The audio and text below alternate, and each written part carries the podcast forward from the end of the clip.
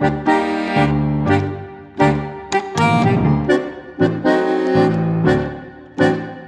sitter Sissel og jeg i studio, og det vi gjør her er å utforske det store temaet kjærlighet. Hva er kjærlighetens bestanddeler, og hvorfor er den så viktig for oss? Når blir noe kjærlighet, og hvordan kan vi få den til å vare? Hvorfor svikter vi noen gang den vi elsker? Hvorfor glir vi fra hverandre og forstår hverandre så dårlig? Og hva med begjæret? Har vi egentlig styring når driften rår? Kan vi få mer grep på hjertets og kjødets underlige veier?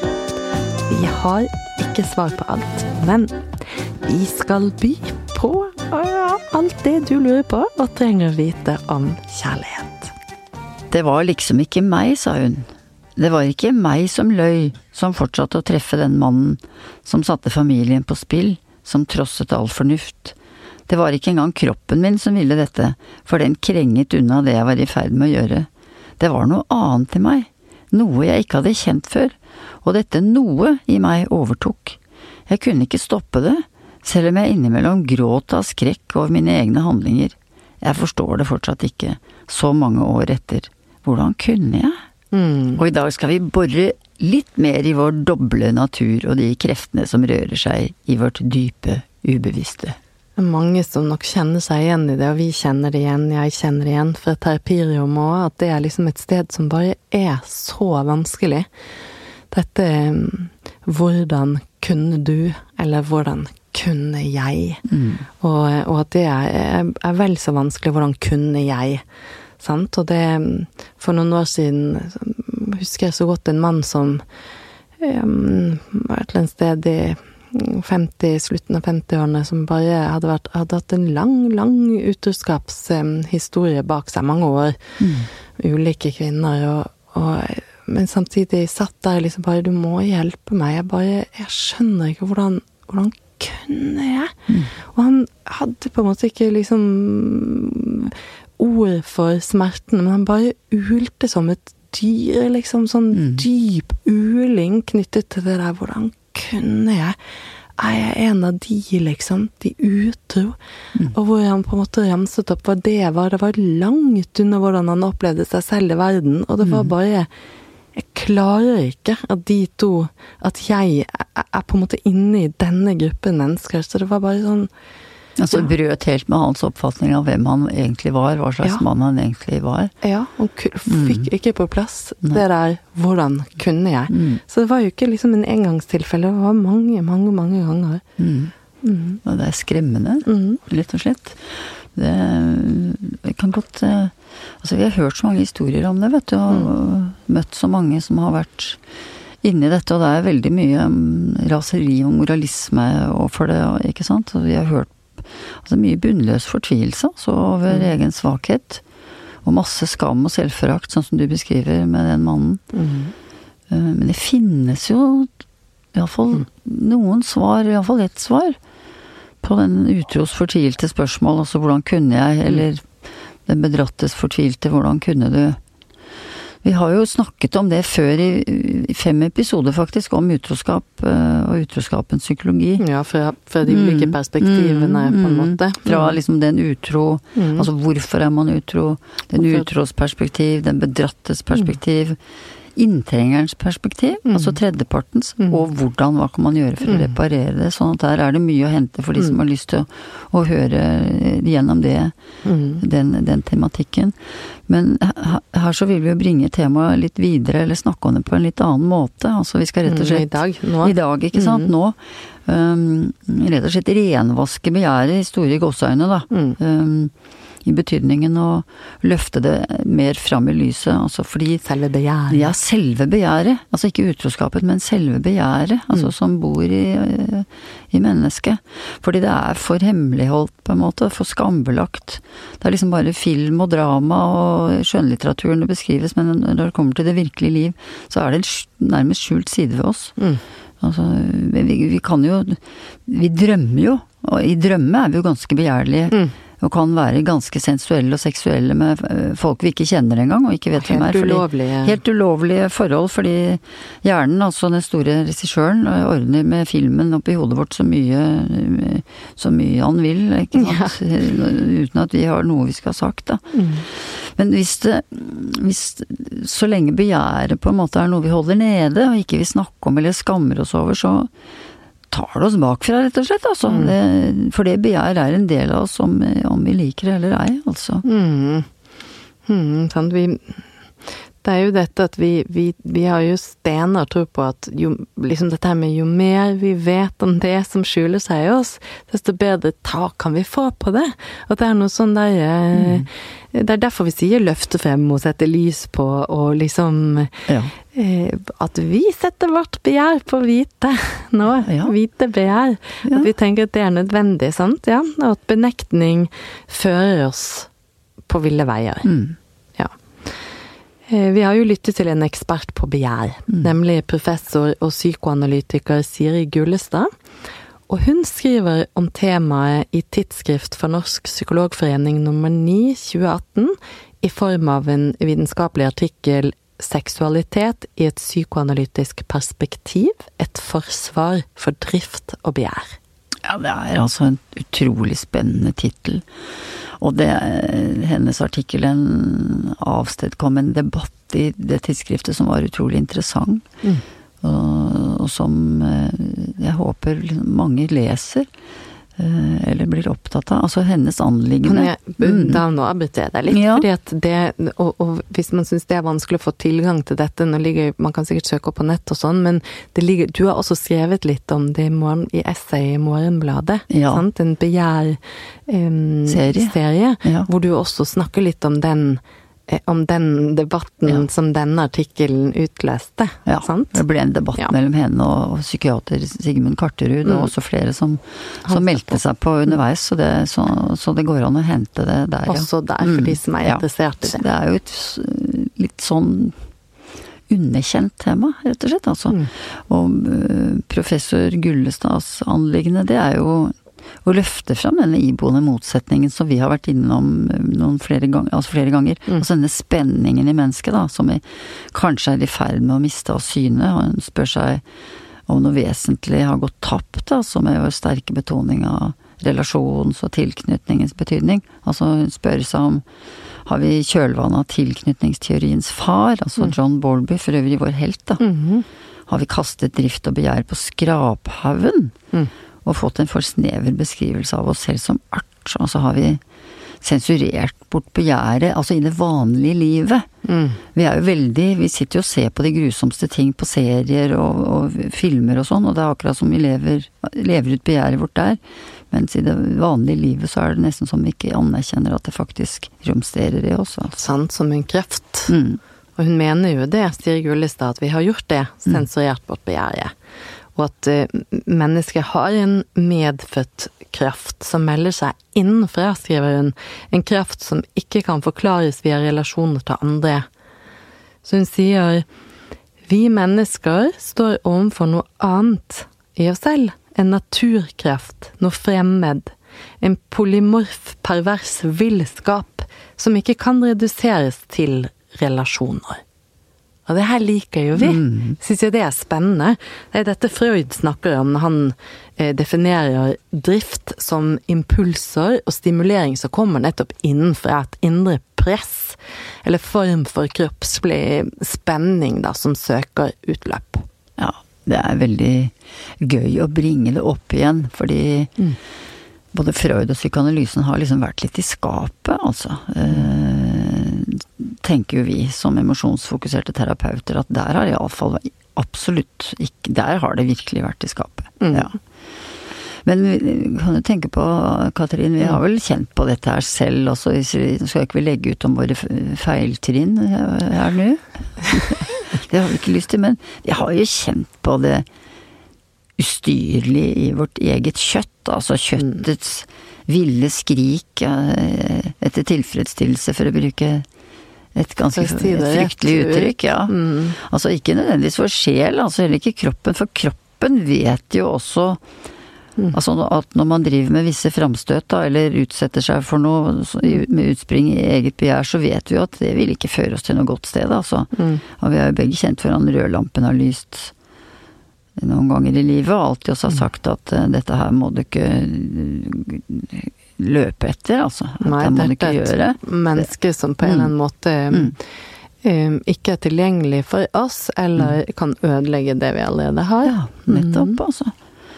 Men man kan jo liksom, hvis vi skulle være litt selverkjennende, fulgte vi da denne fornuftens og selvbevarelsens indre stemme? Det gjorde ikke det, altså. Mm.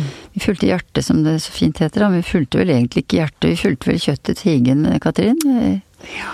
Uten at vi nå skal si noe om Mer. hvordan det foregikk. Men, så vi vet noe om dette. Vi vet noe om dette, altså. Tror jo at du Ja. liksom, sant, vi, har levd et liv at mange, at dette kan vi kjenne oss igjen i, sant? Mm. Innenfra. Og vi trenger jo nå, her og nå, å bore, bore litt mer i dette her ubehagelige temaet, for å fatte og begripe hvorfor vi gjør det motsatte av det vi egentlig bør og vil. Sant? Hvordan kan det skje? Hvordan kunne du? Hvordan kunne jeg? Og dikterne er jo klinkende klare på dette, at vi bærer på noe i oss selv som kan ta oss ut på ville veier. Mm. Det er jo gammel kunnskap, egentlig. altså Gammel visdom.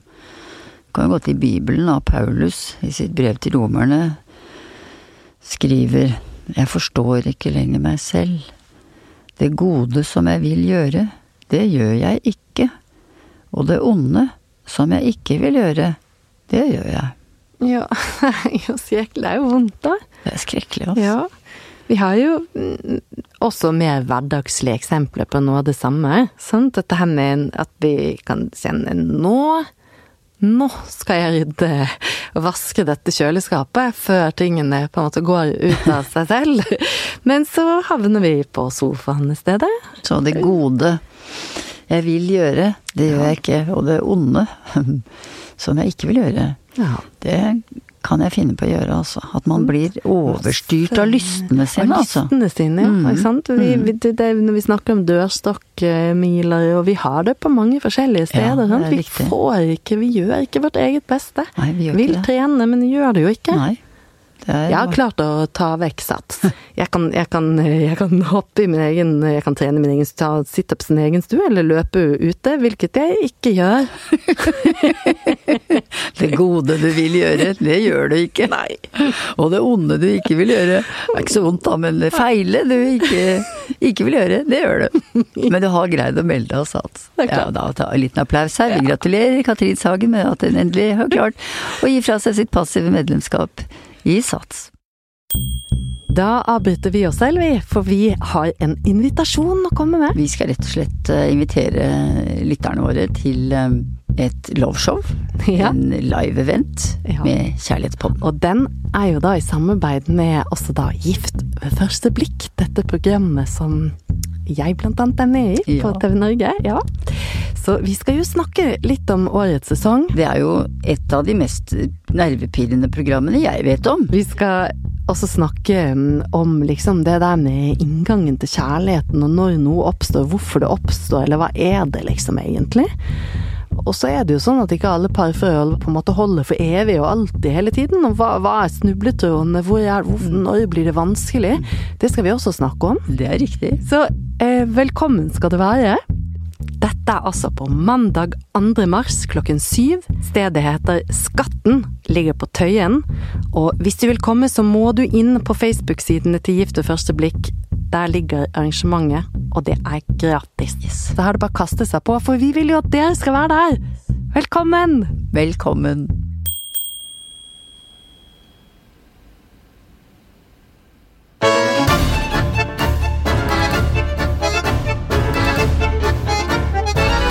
Ja, som sedvanlig så finner vi jo de beste betraktningene av det motsetningsfylte i oss stakkars mennesker da, hos eh, de skjønnlitterære forfatterne, heldigvis. Altså, de har et annet blikk, ikke sant. De, det blikket kan være ganske nådeløst. Altså, de kan strekke strikken langt og være ganske brutale, slemme mot sine karakterer. Eh, og en slik forfatter er islandske Jon Kalman Stefansson, og de som ikke har lest hans bøker, må bare merke seg det forfatternavnet på flekken, altså.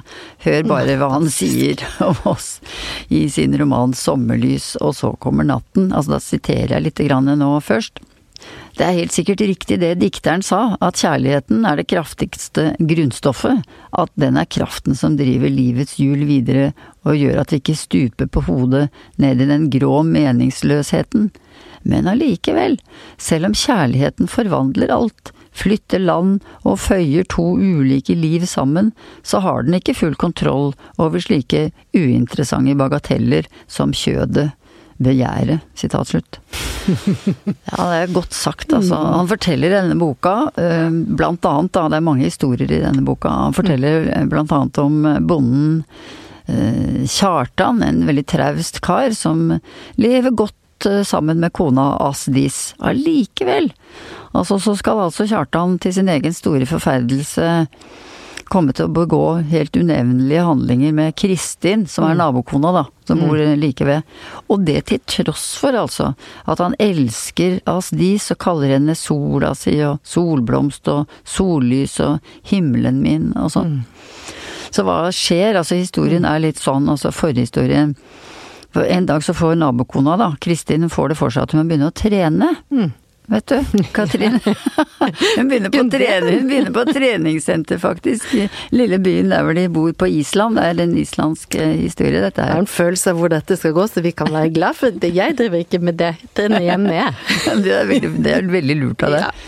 For dette går jo helt skeis. Men en dag så får hun det for seg, da, at hun må begynne å, begynne å løpe, da. Så, mm. uh, altså både gå på treningsinstituttet og så løpe. Uh, fordi hun føler seg for tjukk og slapp og ute av form. Og så begynner hun da med det, og løper først korte distanser, og så lengre turer, og etter hvert utenfor synshold da, fra gården der hvor hun bor med mannen sin og barn og svigermor og hund. Mm. Og en dag så løper hun og hunden forbi Kjartan. Han står ute da, og reparerer et gjerde med slegge og hammer og tang, og er sommer, og fluene mm. surrer, og Kristin eh, er svett og har tatt av seg sports-BH-en og lagt den i lomma, sånn at den hvite T-skjorta kleber seg til kroppen hennes, og de avlange brystene hennes syns, da, skriver eh, forfatteren. Jeg liker godt at hvordan han beskriver ja, det. Ja, virkelig sånn. Og Kjartan er også svett, da, har lagt klærne sine på en tue, og han er altså ingen atlet, denne Kjartan. Um, han står der da med bar overkropp. Han er en tjukk mann. Fettet henger som tunge skybanker over bukselinningen, skriver eh, forfatter Stefansson da. Jo, helt fantastisk med bilder da. Ja, helt vennen. utrolig med bilder. Og det er jo veldig, det er veldig kjødelig dette her, det er mm. derfor vi syns at denne historien er, eh, passer veldig godt. Um, og stakkars Kjartan er full av selvforakt pga. flesket, da, men mm. han har en dyp latter. Han ler og sier til Kristin, da, 'jeg kunne trengt å løpe med deg'. Der skjer det noe, vet du. Der skjer det noe. Og hun kjenner hvordan hun liksom overveldes, da av et uventet behov for å begrave fingrene i Kjartans tunge kjøtt, sier forfatteren. Og bikkja hennes prøver å klatre opp på Kjartans tispe, hun kjefter på bikkja, løper videre, løfter hånden til hilsen og roper når værforholdene er sånn, løper jeg annenhver dag. Det er jo en beskjed, ikke sant? En, en beskjed til han! Og den har han fått med seg. Mm. For to dager senere så står han Kjartan på samme sted til samme tid, og slår ned staur og står på som en gærning og svetter og står bredbeint, og har tatt av seg genseren og kikker seg rundt i ett sett, veldig urolig og spent og engstelig, og skjønner ingenting av seg selv, mm. og tenker kom deg hjem din tulling, før hun kommer, før du blir gjort til latter. Her er han jo midt i dette vi snakker om. Han er det. Mm. Det gode han vil gjøre, det gjør han ikke. Mm. Og det onde han mm. ikke vil gjøre, det kommer det han til å gjøre. Mm. Rett og slett. For nå kommer jo Kristin. Mm. Bråstopper idet hun får se han. T-skjorta kleber seg. BH-en er i lomma. Og Ola G. Furuseth tar oss videre inn i historien. Kjartan tenker 'jævler i heiteste helvete', men sier så uten å tenke. Og tror du at du kunne feste piggtråden der nede med en krampe for meg?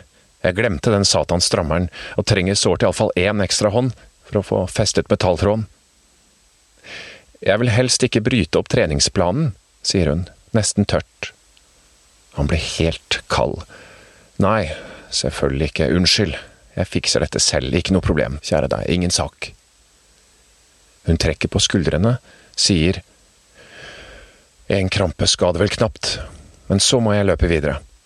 Takk. Flott, sier han. Jeg er imponert over kraften din. Jeg mener at du kommer deg ut for å løpe, helt utrolig. Han tar enda fastere tak i metalltråden som dirrer litt idet Kristin fester den med krampen. Et par rolige slag. I øyekroken ser hun de tykke armene, den utflytende livlinjen. Han er våt av svette. Hun merker at brystene duver ved hammerslagene. Han stirrer på brystene mine, tenker hun. Disse mannfolka har hjernen i pikken. Slutt å glo, din tulling, kommanderer han seg selv. Metalltråden er festet. Han slipper taket. Hun rekker ham hammeren, sier lavt bye, og han sier bye, og takk for hjelpen, unødig høyt. Hun smyger seg mellom piggtråd og gjerde, tar noen skritt, kikker tilbake på ham. Han lener seg mot en gjerdestaur, ser på henne, svett, glimt i øynene. Han er ikke annet enn kjød, og hun lar blikket gli nedover kroppen hans, rolig, uten blygsel, som om hun stryker over huden hans med øynene. Han svelger. Hun løper av sted, stopper opp etter noen få skritt, ser seg tilbake, og da skjer det noe. Da skjer det. En eksplosjon inni dem begge, som lammer all tankegang, fornuft, tørker ut all fortid, all fremtid, for det finnes ingenting i verden utenom akkurat dette øyeblikket. Kjartan setter i et halvkvalt brøl, prøver med febrilsk heftighet å skreve over gjerdet, legger håndflaten på piggtråden, skjærer seg til blods, slår hælen borti et sted, mister balansen, faller med ryggen mot en staur. Det er vondt, hekter fast buksebenet i metalltråden, spreller både vilt og fortumlet idet hun kommer bort til ham, idet hun kaster seg over ham, og opp av halsen hennes kommer en lyd som er noe midt imellom et ul og et knurr. Jeg sitter fast, peser han, faens buksene.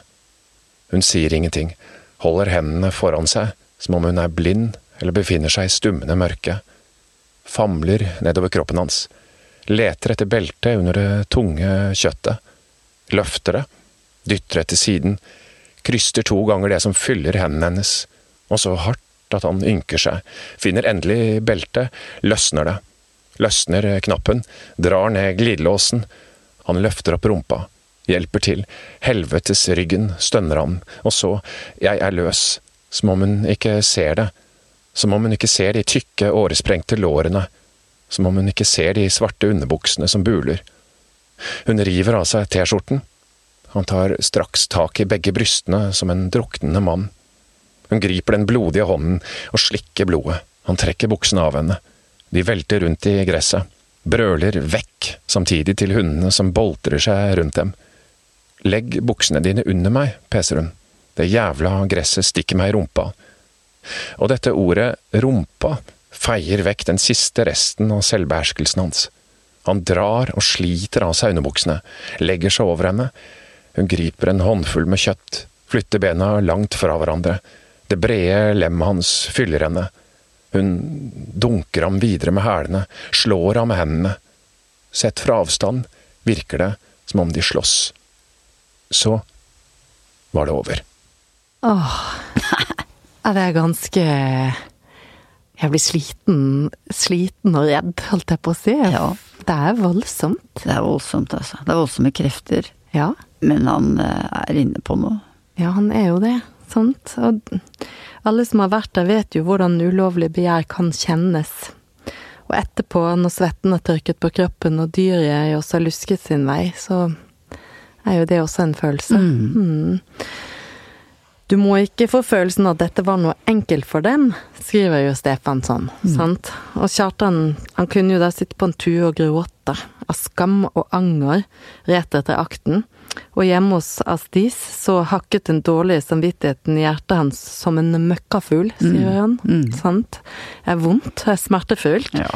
Eh, Han var stadig på nippet til å bekjenne sin synd for kona, hun som han fortsatt elsket, samtidig som han likevel da fortsetter med å treffe Kristin.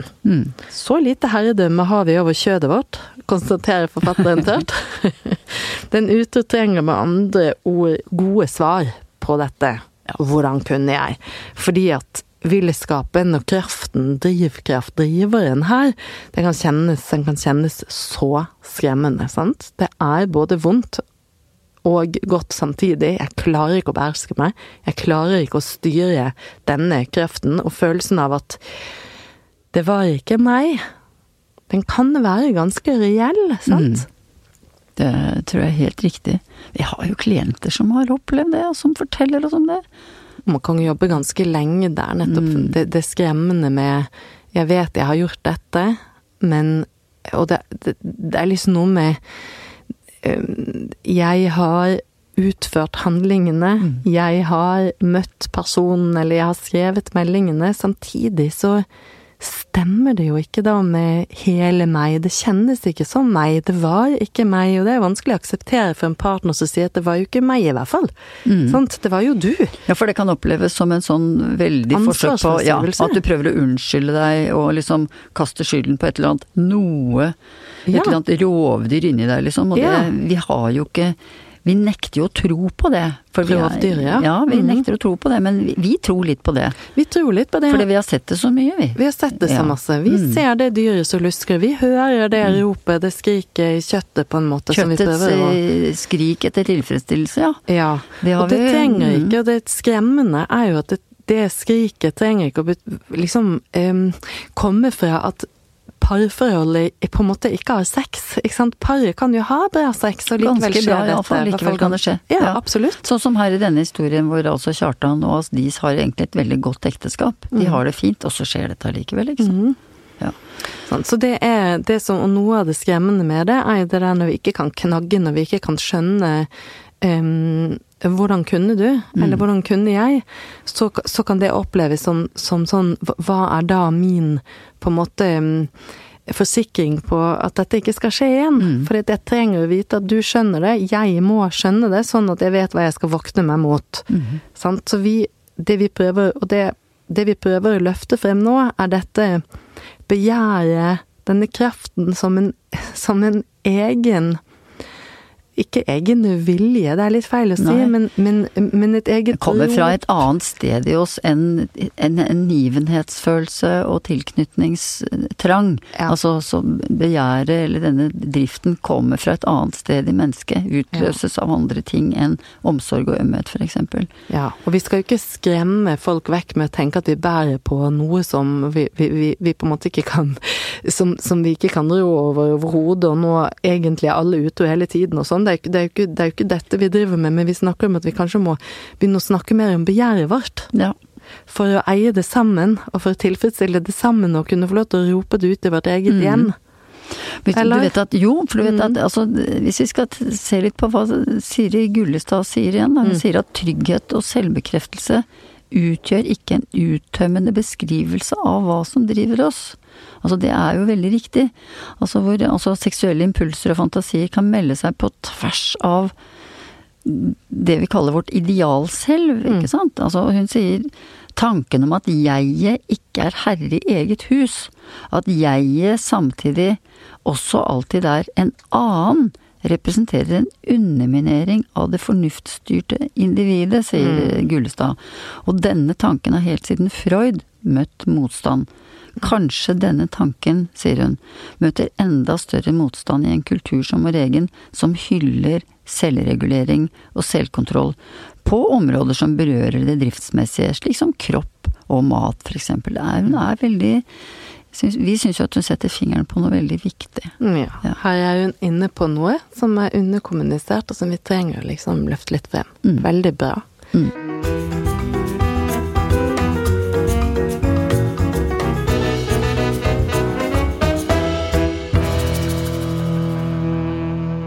Innenfor vårt fagfelt så, ja, så er vi jo vant til å tenke at kjærlighet mellom voksne hviler på tre pilarer som mm. er tilknytning, omsorg attraksjon. Mm. Sant?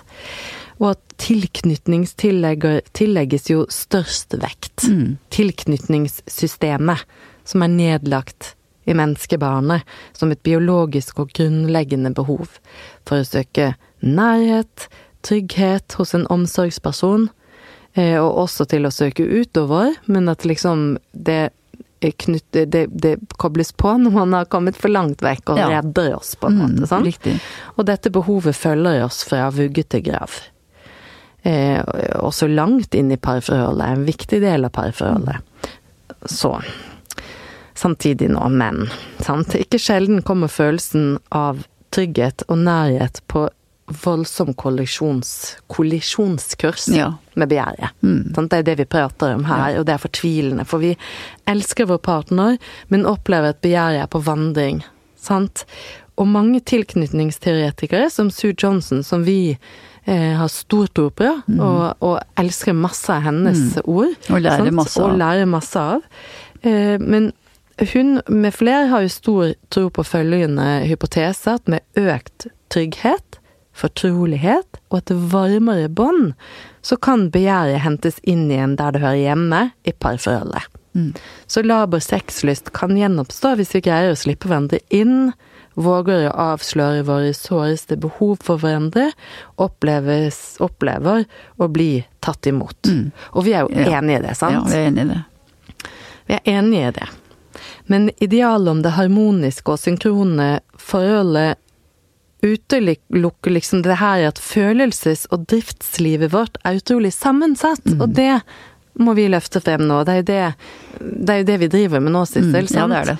At uh, er det virkelig så sikkert at inderlig og trygg tilknytning borger for et godt sexliv, eller er det heller sånn, eller samtidig sånn, at begjæret egentlig er knyttet til et driftssystem i mennesket, så like gjerne kan næres av det farlige eller det forbudte eller det fremmede.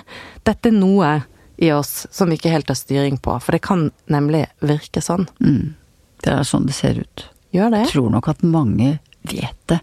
Ja. Jeg tror mange vet dette, mm. men de snakker ikke med kjæresten sin om det. Nei. De snakker altså knapt nok med venninner, knapt nok med terapeuten sin. Mm. Og det er jo Vi mm. har jo snakket i tidligere episoder om, mm. om, om, på en måte begjær, eller om sexlysten, og hvordan få tilbake og utvide seksuelle rom, og diskursen, erotikken og mm. sånn. Men, men, nå snakker vi om det på en annen måte. Denne, dette her er noe, eller denne ja. villskapen, denne inderligheten, denne lidenskapen, dette Som tar tak i oss, og som vi ikke alltid klarer å overstyre. Uten at det nødvendigvis betyr at de har det dårlig i parforholdet vårt. Mm. Det er jo alltid en katastrofe. Utroskap er jo det. Altså mm. i forhold som er basert på seksuell eksklusivitet, ikke mm. sant. Og likevel driver jo folk med det. Det vet vi jo. Mot sin egen fornuft, da. Og overbevisning. Og mot sine egne verdier og sånn. Nettopp fordi tilknytning og kjærlighet kan være på, som du sier, på kollisjonskurs, altså med, med lystsøkende og begjær. Mm. At vi kan, gitt rette betingelsene, komme til å gjøre det motsatte av hva vettet tilsier. Altså, jeg kan komme til å gjøre det onde som jeg ikke vil gjøre. Mm. Og la være å gjøre det gode som jeg, som jeg vil gjøre. Altså, vi for, oppsøker det forbudte.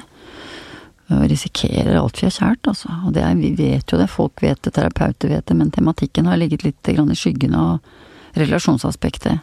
Mm.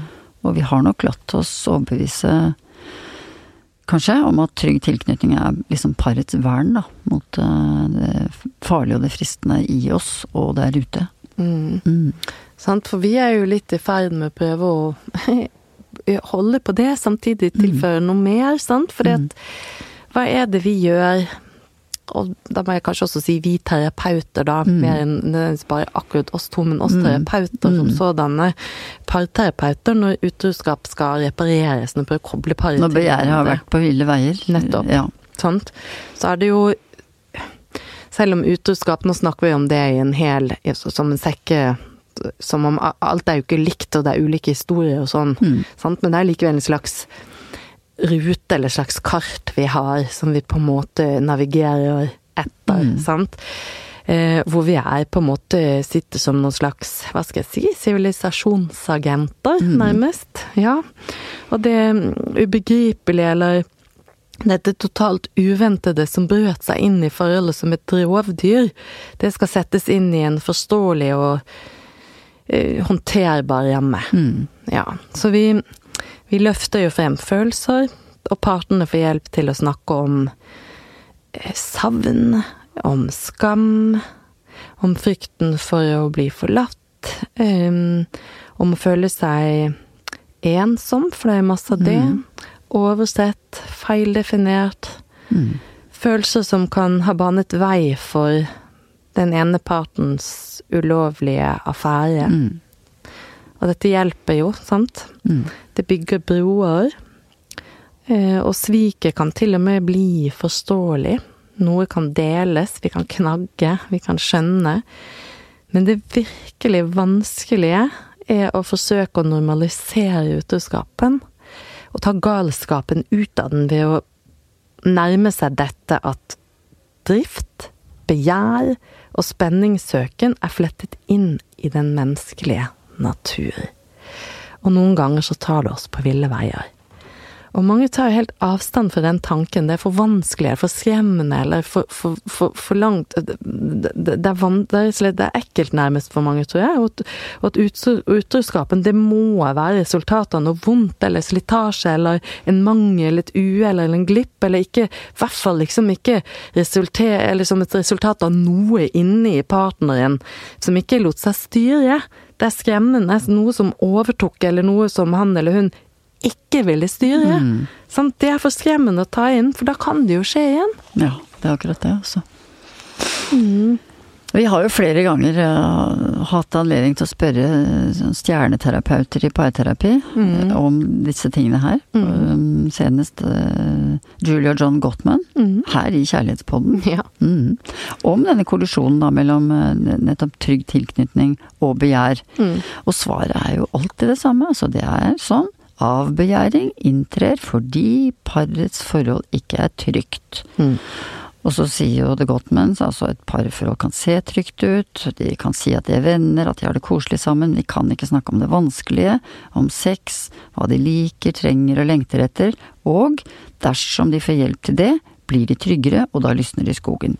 Mm. Og det er ja og nei, mm. sier vi til det. Mm. Ja og nei. Mm. For det rimer ikke helt, altså. Mm. Fordi når begjær har vært på ville veier, f.eks. utroskapsaffærer eller nesten utroskap, mm. um, så skaper jo det maksimal utrygghet i et forhold. Og selv altså, selv der hvor to parter har blitt enige om å reparere skaden, ikke sant. Men det er jo utryggheten som har skapt noe nytt. Mm. Uh, det er jo det fremmede, mm. altså det farlige og det ukjente, som har skapt noe nytt. For din partner, som har vært på ville veier da, har brutt et forbud. Og forbudet er du skal ikke drive hor, som det står i den gamle bibelteksten. Og ved å gjøre det, ved å bryte et forbud, så har din partner blitt ny og annerledes. Og det er ikke bare fordi du har vært så redd for å miste din partner at du blir veldig oppmerksom på vedkommende igjen, men det er fordi partneren din har begått en overskridelse, det vekker begjæret ditt fordi du trodde du kjente dette mennesket så godt nå som du har levd sammen med lenge, og uh, som du har hatt det både bra og kjedelig og noen ganger skikkelig dårlig med, men nå ser du en annen der inne, altså en som er i stand til å gjøre noe farlig til å ta sjanser. Altså, partneren din er liksom ikke lenger det tamedyret du trodde du bodde sammen med, men en som også kan være vill og uregjerlig. Det tenner begjæret ditt. Og det har fint lite med trygghet og tilknytning å gjøre, altså. Mm. Dette her snakker jo ikke folk nok om. Mm.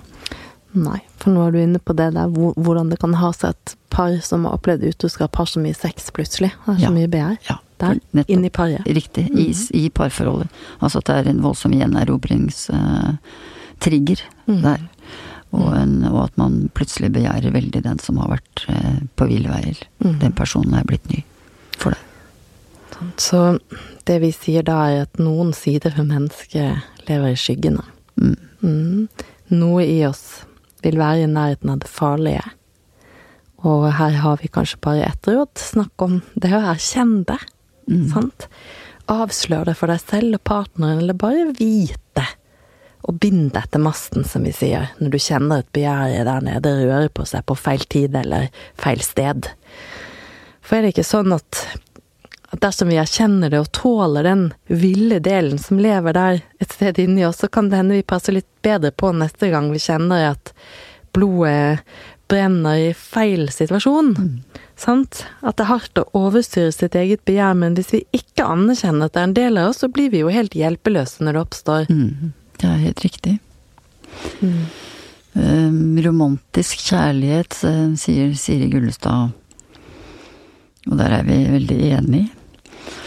Det er en lengsel etter en form for lidenskap som vanskelig lar seg realisere i hverdagen.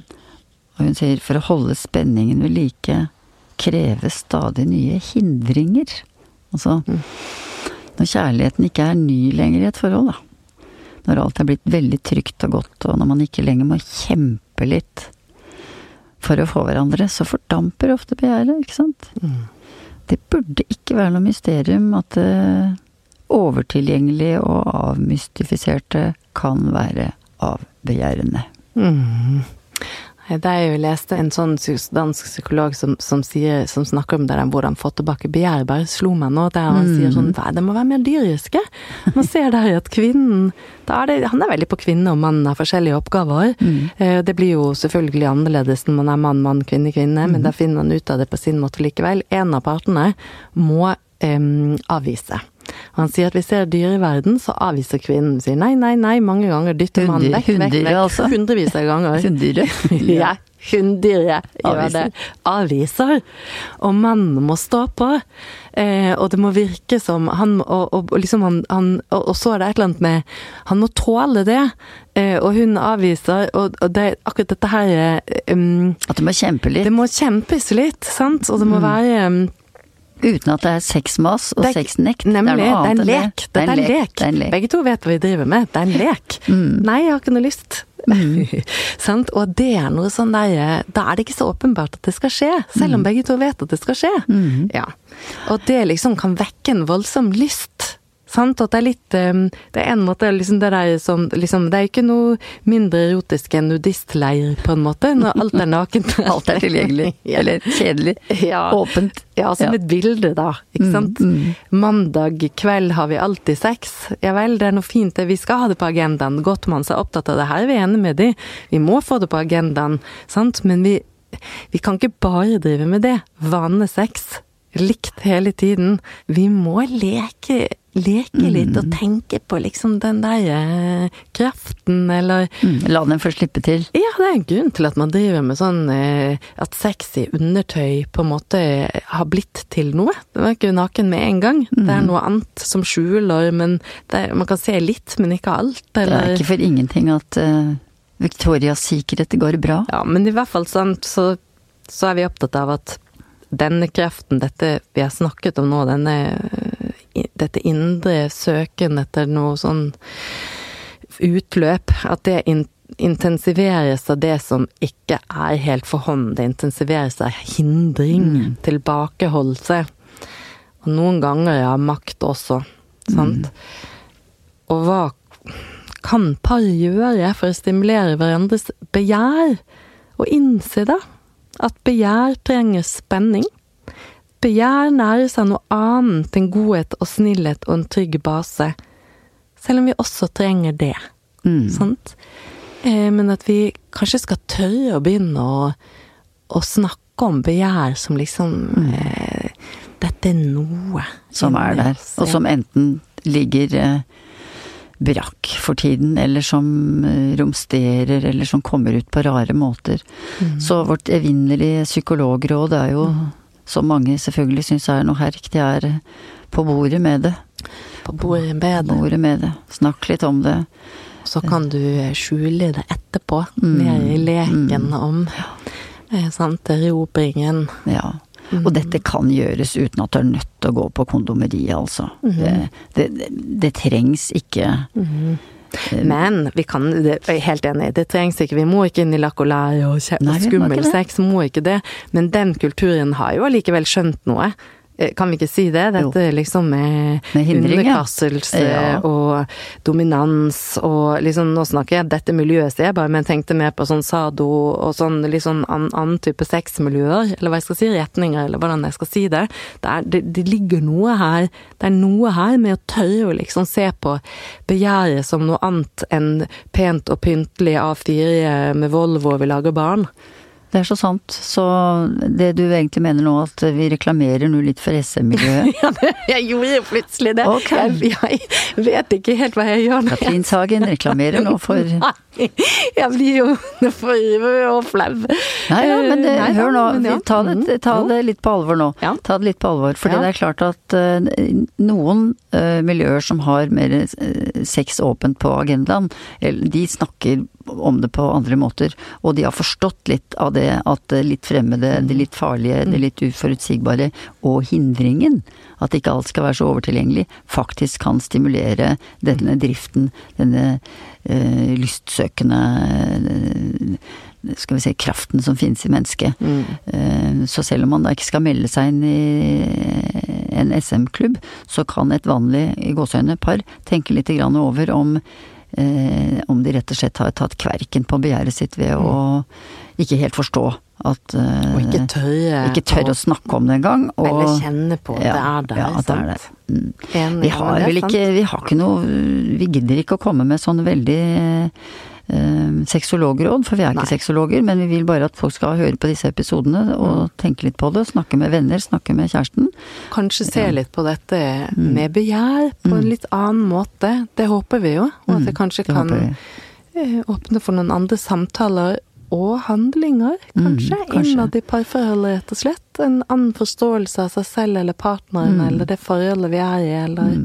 Sånn. Jeg tror vi kommer tilbake til temaet ved en senere anledning, men uh, neste gang skal vi eh, snakke om noe annet. Mm, men dette, dette, temaet skal vi hente fram igjen. Mm-hmm. Så med dette avslutter vi. Så takk for at du lyttet til oss i dag. Og håper du kommer tilbake til oss neste episode. Eh, du kan følge oss og lytte til oss der hvor du hører på podkast. Vi er også på Spotify, og vi er på sosiale medier. Og hvis du vil ha tak i oss, og vi er veldig interessert i dine tilbakemeldinger og tanker og eventuelle innspill for hva du vil at vi skal snakke om, så kan du også maile oss på samliv.vg.no. Da kommer du til Sissel og meg. Takk for det. Ha det bra.